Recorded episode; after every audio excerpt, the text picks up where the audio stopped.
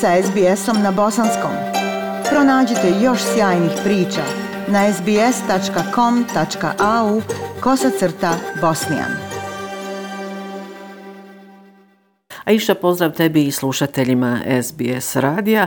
I evo na početku ovog izvještaja iz e, Sarajeva e, podsjetit ću još jednom kratko na 11. juli kada je u Memorialnom centru Srebrenica Potočari klanjana dženaza i obavljen ukop posmrtnih ostataka 19 žrtava genocida počinjenog 1995. godine u Srebrenici. Obilježavanje godišnjice genocida u Srebrenici počelo je komemoracijom na kojoj su se obratili por porodice žrtava, političari i brojne diplomate. U Potočarima su bile brojne delegacije iz Bosne i Hercegovine, regiona i svijeta, a prije nego što su počeli dženaza i ukop, položeno je i cvijeće na memorialni kamen. Najmlađa žrtva koja je ove godine ukopana u Potočarima je Azmir Osmanović, koji imao svega 16 godina kada je ubijen, Najstarija žrtva koja je pronašla svoj konačni smira je Husein Kurbašić koji imao 63 godine kada je ubijen. Dženazu namaz je u potočarima predvodio Rejsul Lema islamske zajednice u Bosni i Hercegovini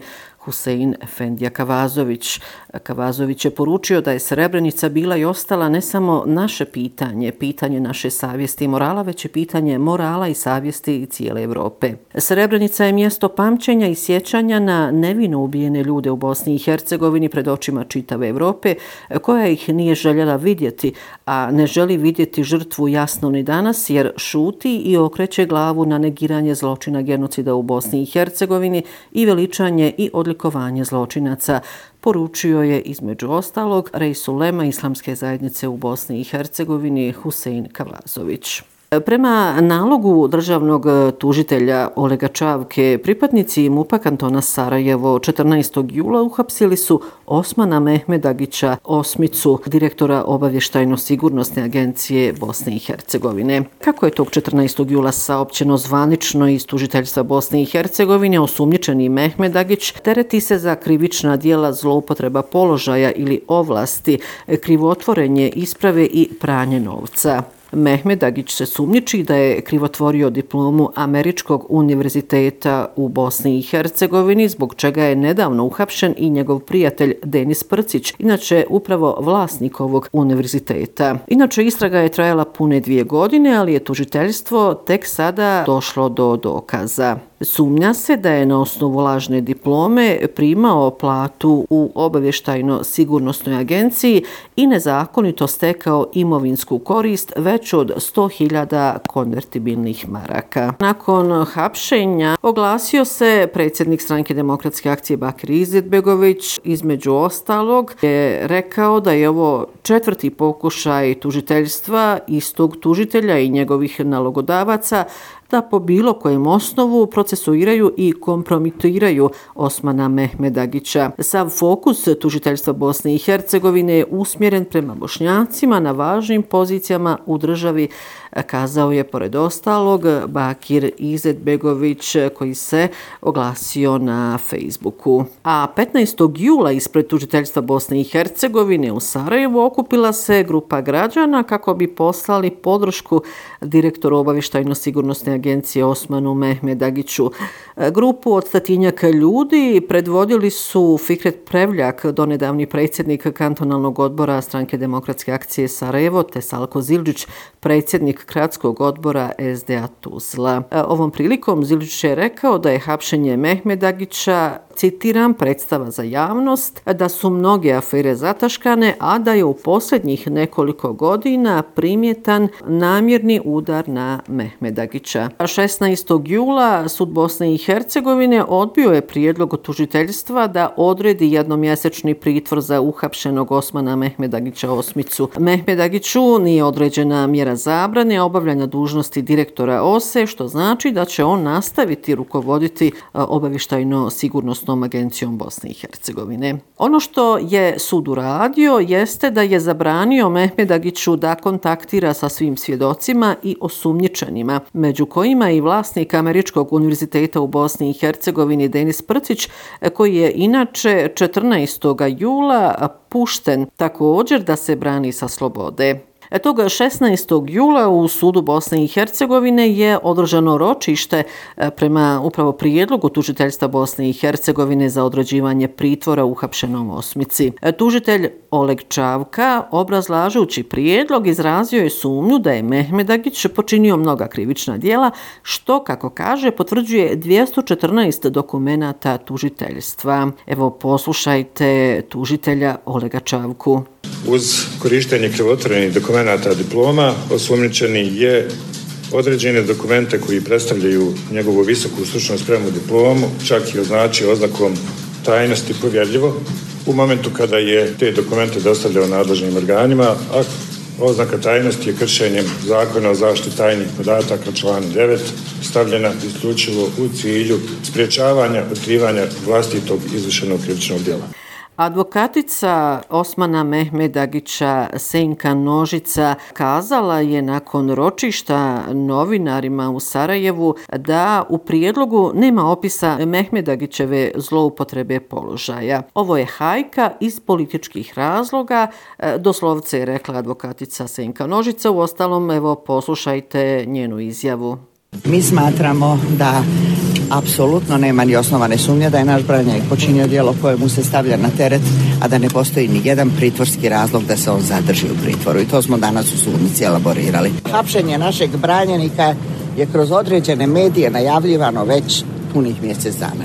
Ako to nije, ako to nije diktirano određenim političkim uticajima, onda ja ne znam šta je iz e, sudskih klupa. Naime, Alisa Muta Pramić, bivša djevojka Dženana Memića, e, puštena je 16. jula odlukom Suda Bosne i Hercegovine da se brani sa slobode. Osim Alise Muta Pramić, na slobodu su pušteni i njen otac Zijad Mutap te policajci Hasan Dupovac i Josip Barić. Na slobodi je Muamer Ožegović, radnik hotela Kristalna i Liđi kod Sarajeva. To je dakle definitivno odluka Suda Bosne i Hercegovine nakon ročišta u predmetu Dženan Memić, a prema prijedlogu tužiteljstva Bosne i Hercegovine za produženje pritvora za optuženu petorku. E, svima su određene mjere zabrane dok je tužiteljstvo najavilo žalbu na ovu odluku suda zato što se i dalje čeka na potvrđivanje optužnice. E, Zijadu Mutapu i Hasanu Dupovcu određen je kućni pritvor dok su ostali obavezni da se javljaju policiji. Odlukom suda zabranjeni su im sastajanje sa određenim osobama i svjedocima te međusobna komunikacija. Tužiteljstvo Bosne i Hercegovine je podiglo prošle sedmice optužnicu protiv pet osoba u slučaju Dženan Memić.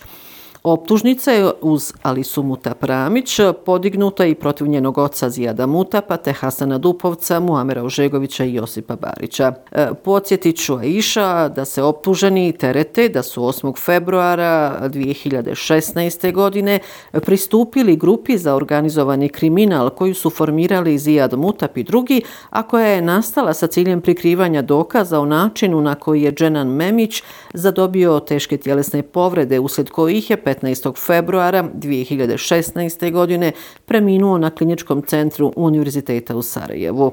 Zijad Mutap i Hasan Dupovac bili su u pritvoru od februara, Josip Barić od aprilu, a Alisa Mutap Ramić i Muamer Ožegović od prošlog mjeseca.